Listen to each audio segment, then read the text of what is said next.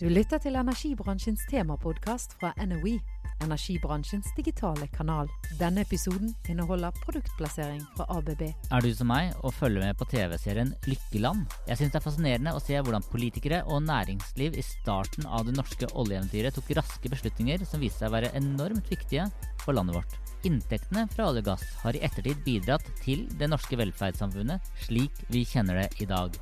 Samtidig må vi hele tiden se fremover. Et sted der fremme vil etterspørselen etter olje og gass avta, og olje og gass bidrar også til menneskeskapte klimaendringer. Hva tror du vi skal leve av etter olja?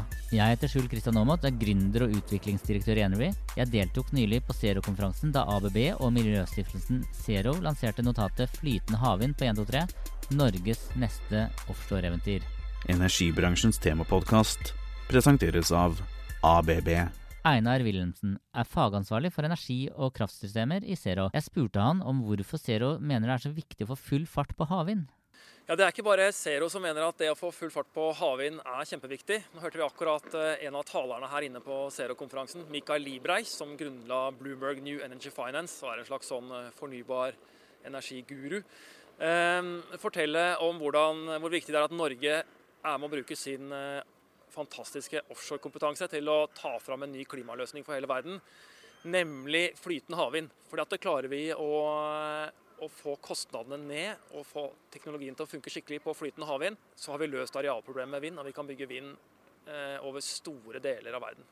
Det høres jo flott ut, men havvind er ikke noe nytt diskusjonstema. Hvorfor ser vi ikke store vindparker på norsk sokkel, slik vi ser utenfor UK? Jeg spurte Monica Indesak, CEO i BKK Grønn Invest. Jeg tror noe av forklaringen kan være at vi har ikke helt evnet å pakke inn havvind i eh, politiske rammevilkår som gir mening. For havvind er først og fremst fornybar energiproduksjon, noe som verden sårt trenger. Men i Norge så har vi mye, og vi har billig og ren kraft. Det å subsidiere inn eh, fornybar energi i et sånt marked for kraften sin del, det gir mindre mening. Så de rammevilkårene vi trenger, det er først og fremst for å underbygge det at eh, offshore vind det kan være et nytt norsk krafteventyr eh, utover Norge. Monica Indesak mener havvind først og fremst kan bli et nytt norsk eksporteventyr. Altså der vi eksporterer teknologi til andre deler av verden. Men kan det også bli et eventyr på norsk sokkel? Equinor utreder å bygge et norsk havvindprosjekt til 5 milliarder kroner for å gjøre strømforsyningen på plattformene i Nordsjøen renere. Arne Eik, lead business developer offshore wind i Equinor, forklarer. Ja, altså Å endre elektrisitetstilførselen er jo én måte å redusere CO2-utslippene, og det er veldig viktig for oss. Nå, akkurat nå så ser vi på et prosjekt på Snorre- og Gullfaks-plattformene, hvor vi prøver å få til havvind, og da vil redusere utslippene. Men enda viktigere, da vil føre til at vi videreutvikler havvindsindustrien. Einar Wilhelmsen i Zero forklarer hvorfor dette er så spennende. Eh, det som er veldig gøy eh, med havvind, er at vi kan bruke fossilnæringa som en brekkstang for å ta fram en eh, ny fornybarnæring. Det kan vi gjøre ved at ute på oljeplattformene så har de stort energiforbruk. Og det, strømmen skaffer de seg fra gassturbiner. Den energien er egentlig ganske dyr. Mye dyrere enn det du og jeg betaler for strøm hjemme på land. Men med flytende havvind eh, så kan vi skaffe relativt, strøm som er billigere, men fortsatt ganske dyr, til, eh, til oljenæringa. Så vi har et case som kanskje er lønnsomt, eh, der vi kan begynne med å øve på å bygge flytende havvind, tilby strøm til oljeplattformene, redusere bruken av gassturbiner der ute, og da kutte utslippene. Og så veit vi fra all mulig sånn fornybarinvestering, enten det er solceller, eller det er vind på land, eller det er bunnfast havvind, at når du øver, så blir du god. Eh, og da går kostnadene ned. Men for å få ned kostnadene og for å få kommersialisert teknologien, så må vi opp i volum.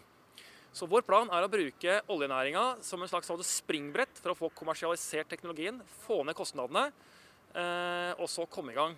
Og da, når vi har klart det, så står norsk næringsliv klart til å levere en klimaløsning til hele verden. Er oljeselskapene på norsk, norsk sokkel eh, motivert for å få dette til? Det er de nok i forskjellig grad, men vi er utrolig glad for at Equinor jo er i gang og har lansert det første prosjektet som eh, de vil bygge.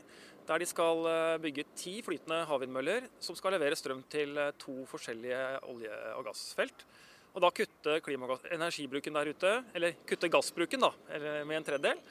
eh, og utslippene av klimagasser med en tredjedel. Men er det kun fordi vi skal redusere utslippene, eller er det også fordi havvind kan bli økonomisk lønnsomt? Havvind er en av de næringene som virkelig kommer til å eh, vokse framover. Og vi har hatt stor tro på havvind, og, og der tror vi at vi kan tjene penger eh, og vokse. Så tok vi en prat med Jon Dugstad i Norwegian Energy Partners. Norwegian Energy Partners er en eh, samordning mellom eh, norsk energiindustri og eh, myndighetene som støtter oss. Eh, vi hjelper norsk industri ut i verden eh, innenfor både fossil energi og fornybar energi. Så har jo Norge lang tradisjon eh, på det å eksportere petroleumsteknologi. Hvordan ligger det an på fornybart? På fornybart er vi ikke kommet eh, så langt. Vi startet eh, godt i 2009 og 2010 når vi var aktive i Europa. Eh, Men per i dag så er vi på mitt område, altså offshore vind som vi, vi snakker om i dag, eh, så eksporterer vi for en 7-8 milliarder. Eh, Og det er jo langt ifra de 150-200 milliardene som vi eksporterer for innenfor olje- og gassindustrien. Men vi tror at vi vil nærme oss eh, 50 milliarder om en eh, 10-11 år. Visste du at Norge i 2017 eksporterer sjømat for 94,5 milliarder kroner? Fornybar eksport av havvind kan altså alene komme opp i halvparten av all dagens norske eksport av sjømat. Er dette tall også Arne Eik i Equinor tror på? Ja, altså Norsk leverandørindustri er jo allerede veldig store på havvind. Eh, Det er en av våre største eksportnæringer per i dag. Og Ambisjonene er jo å kunne eksportere for 50 milliarder kroner innen 2030. Det er hyggelig med store tall. Vi spør Jon Dugstad i Norwegian Energy Partners om hva som kreves av norsk leverandørindustri for å kunne lykkes i det globale havvindmarkedet. Det kreves jo først og fremst at de har eh, en evne til å omstille i forhold til eh, masseproduksjon av eh, produktene sine. Og at de er konkurransedyktige på pris og kvalitet. Kvalitet har vi vel egentlig aldri hatt noe særlig problem med i Norge, men pris har vi av og til slitt litt med. Nå er det sånn at det er tøff konkurranse ute i verden. Eh, Og noen av våre medlemmer eh, påstår også at det er enda tøffere på eh, flytende eller på offshore vind enn det det er i olje- og gassindustrien. Så vi tror at det er nødvendig å være til stede eh, og være forberedt på at det er ganske tøffe tak. Eh, Og man må også være villig til å eh, vise litt av kremmersjelen for å, å få det til ute i verden. Energibransjens temapodkast presenteres av ABB. La oss stoppe litt opp. Vi prater om havvind, men det er forskjellige typer havvind. Flytende og bunnfast. Vet du forskjellen? Arne Eik Equinor gir oss en kort forklaring. Eh, Når det gjelder bunnfast, så er jo det allerede en kjempestor industri. Dette er konkurransedyktig i dag. Eh, Equinor er en av eh, mange store aktører. Flytende er på det som jeg pleier å kalle the new kid on the block. Dette er det som kommer. Dette er det som kommer til å vokse, og det er her vi kommer til å eh, ta en veldig stor posisjon framover. Eh, Og hvor i verden kommer vi til å se mest flytende havvind fremover? Det er et godt spørsmål. Jeg tror at vi snakker California, hvor de åpner området nå. Eh, Japan satser veldig mye på dette. Andre asiatiske land, men òg europeiske land eh, satser på dette her. Og, og kanskje Norge. Denne podkastepisoden tar utgangspunkt i notatet Flytende havvind på 123, som er utarbeidet av Zero og ABB. Tor Eivind Moen er Vice President Market Development New Energy i ABB. Det er jo fantastiske muligheter til å høste norsk havvind og bringe inn til Norge for å redusere våre CO2-utslipp. For å bruke mot oljeplattformene, redusere CO2-utslipp der, og også for å eksportere til kontinentet. ABB mener flytende havvind kan bli Norges neste offshoreeventyr. Men hva må til for at dette skal bli en realitet? Noe skal vi drive med etter olje og gass, og her har vi en sjanse til å bygge en industri som Norge kan være verdensledende i. Men for det, å komme i gang, så trenger vi demonstrasjonsprosjekter, og vi trenger et hjemmemarked for å være egentlig troverdige når vi går ut i den store verden for å selge vår kompetanse. ABB ser altså store muligheter i flytende havvind. Men hva er egentlig deres rolle i slike prosjekter? Vi leverer veldig mye elektroautomasjonsutstyr globalt.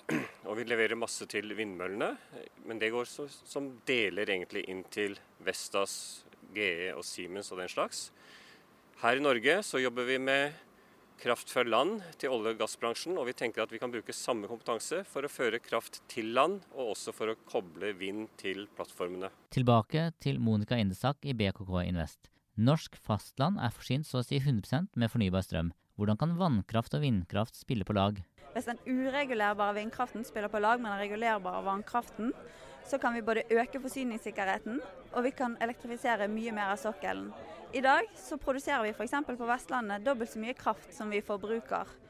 Eh, og vi har i dag potensielt 3 gigawatt tilgjengelig som vi kan bruke til f.eks. å elektrifisere norsk sokkel.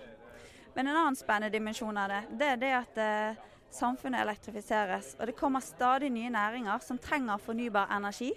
Enten i kystnære strøk eller til havs. F.eks. elektrifisering av ferger, øh, fiskeoppdrett osv. Uh, og her kan det kanskje gi mening å heve blikket og tenke synergier når vi bygger en infrastruktur for å elektrifisere norsk sokkel. Det er ofte dyrt å være tidlig ute. Vil det ikke heller lønne seg å sitte på gjerdet og vente, og så hive seg på når andre land har brukt tid og penger på testing og utvikle teknologi som vi heller kan ta bruk av? Jeg spør Jon Dogstad i Norwegian Energy Partners. Vi tror det at eh, dersom man ønsker å levere til havvindindustrien i dag, så må man være innovative. Man må ha noe nytt og noe bedre å komme med. Eh, og man må også være ganske aggressivt til stede i veldig mange markeder, for nå er denne industrien i ferd med å gå fra europeisk, eh, en europeisk base eh, til å bli en global industri relativt raskt. Einar Wilhelmsen i Zero sa at vi må øve på norsk sokkel for å bli virkelig gode. Hvor mye må vi øve for å kunne eksportere flytende havvindløsninger for 50 milliarder kroner i 2030? Vi veit at uh, fornybarnæringa er framtida, og der er det et stort potensial. Eh, I den notatet som vi har skrevet, så sier vi at Norge bør ta mål av seg til å bygge 3 gigawatt flytende havvind innen 2030. Jeg vi tror det er det som trengs for å få øvd nok til å få ned kostnadene nok til at dette blir en, en del av et verdensmarked. Vet du hvor mye 3 gigawatt havvind er? Norge må sette seg et litt sånn stort mål eh, og strømlinjeforme virkemidlene våre for å nå det. Og det er på en måte det volumet vi trenger for å bli så gode på flytende havvind at vi kan eksportere det til hele verden. Statkraft sitt Fosen vindkraftprosjekt på land det er på ca. 1 gigawatt. Og helt tilfeldigvis så installerte EU 1, nei, unnskyld, 3 gigawatt eh, bunnfast havvind i fjor. Så 3 gigawatt innen 2030 er ikke mer enn EU egentlig har bygd på ett år. Notatet til ABB og Zero er spennende, men hvordan kommer vi oss videre fra et notat til handling? Hva er planen til AS Norge? Jeg spør Tor Eivind Moen i ABB. Ja, Det er det store spørsmålet. Eh, jeg har jo selv sjekket litt rundt for å se hva slags visjoner har vi, og hva er timeplanen. Og Konklusjonen var vel egentlig at det var svært lite klare visjoner. Eh, selv mener jeg at vi trenger en klar og politisk forankret visjon for f.eks. 2030, som da bør helst tallfestes med hensyn til mål og så kan man jobbe seg tilbake og sette seg delmål og legge til rette en prosess som gjør at vi faktisk kan implementere dette, og få til konkurranse og få trigget hele leverandørindustrien mot et slikt mål. Tor Eivind Moen etterlyser en klar politisk visjon. Hva tenker politikerne? Vi spør Espen Barth Eide fra Arbeiderpartiet. Han er også med i energi- og miljøkomiteen på Stortinget. Hva er hans tanker om flytende havvind? Ja, Vi skal i hvert fall satse på dette som en eksportartikkel. Dette er jo en av de industriene som kan bygges på skuldrene av eh, olje- og gassbransjen. Masse kompetanse i Norge, og det er stor etterspørsel internasjonalt. Så det er definitivt noe vi skal satse på som en eksport til utlandet. Og Så er det jo også et spørsmål om hvor mye av dette vi skal ha her. Jeg tror det er potensial for å bygge ut eh, relativt mye. Riktignok har vi nok av kraft i Norge akkurat nå, men vi skal jo elektrifisere mye mer. Og vi skal også utnytte den unike kombinasjonen som vind og vann til sammen er. Så jeg mener at det er viktig å, å, å gå inn i denne teknologien, videreutvikle den. Og så må vi lage en plan for hvor mye vi skal ha inn og ta inn til land. Men hva holder egentlig politikerne igjen? Hvorfor ikke bare gi grønt lys og trykke på gassen? Ja, Det er jo rett og slett at dette er fortsatt et ganske eh, nytt spørsmål når det gjelder havvind i Norge. Eh, det er jo en diskusjon akkurat nå om elektrifisering av sokkelen via havvind. altså Istedenfor kabler fra land, eller eventuelt som supplement. Og så har vi hatt en diskusjon nå om vi kanskje skal sikre at eh, de havvindsinstallasjonene vi lager kan supplere eh, både eh, det som kommer til eh, offshoresektoren, men også gå inn til land og være en del av kabelutvekslingen eh, ut av Norge. Eh, så dette er store spørsmål. Jeg tror det viktigste er at vi ser dette som en del av en eh, helhetlig energipolitikk. Ikke bare klatte litt her og der, men eh, forstår at vi nå i fremtiden kommer til å være et land som driver med både vann og vind sammen, og se hvordan det kan samvirke best. Skatteregimet i oljebransjen er investeringsvennlig. Hvor aktuelt er det å videreføre dette også til havvind? Det er jo et av spørsmålene man da må diskutere. Det har jo vært basert på dette med grunnrenta, altså at oljeressursene er en del av eh, grunnrenta. Og oljen tar jo før eller siden slutt, så det er liksom en begrenset ressurs. Eh, vinden blåser nok eh, i fremtiden også, så det er litt annerledes mellom vind og olje. Men det vi skal lære av, er at vi har nå i flere eh, generasjoner har Norge vært unikt gode på å gripe nye muligheter og lage gode regler rundt det. Først da vannkraften kom, da vi var et eh, helt uh, nytt land. Altså fra uh, 1906 til 1917, hvor vi laget konsesjonslovene og hjemfallsretten. Og så den gode måten vi håndterte olje- og gassbransjen på. Nå har vi en, en ny ressurs i vind. Da må vi også bruke den kreativt. Men vi har ikke alle svarene.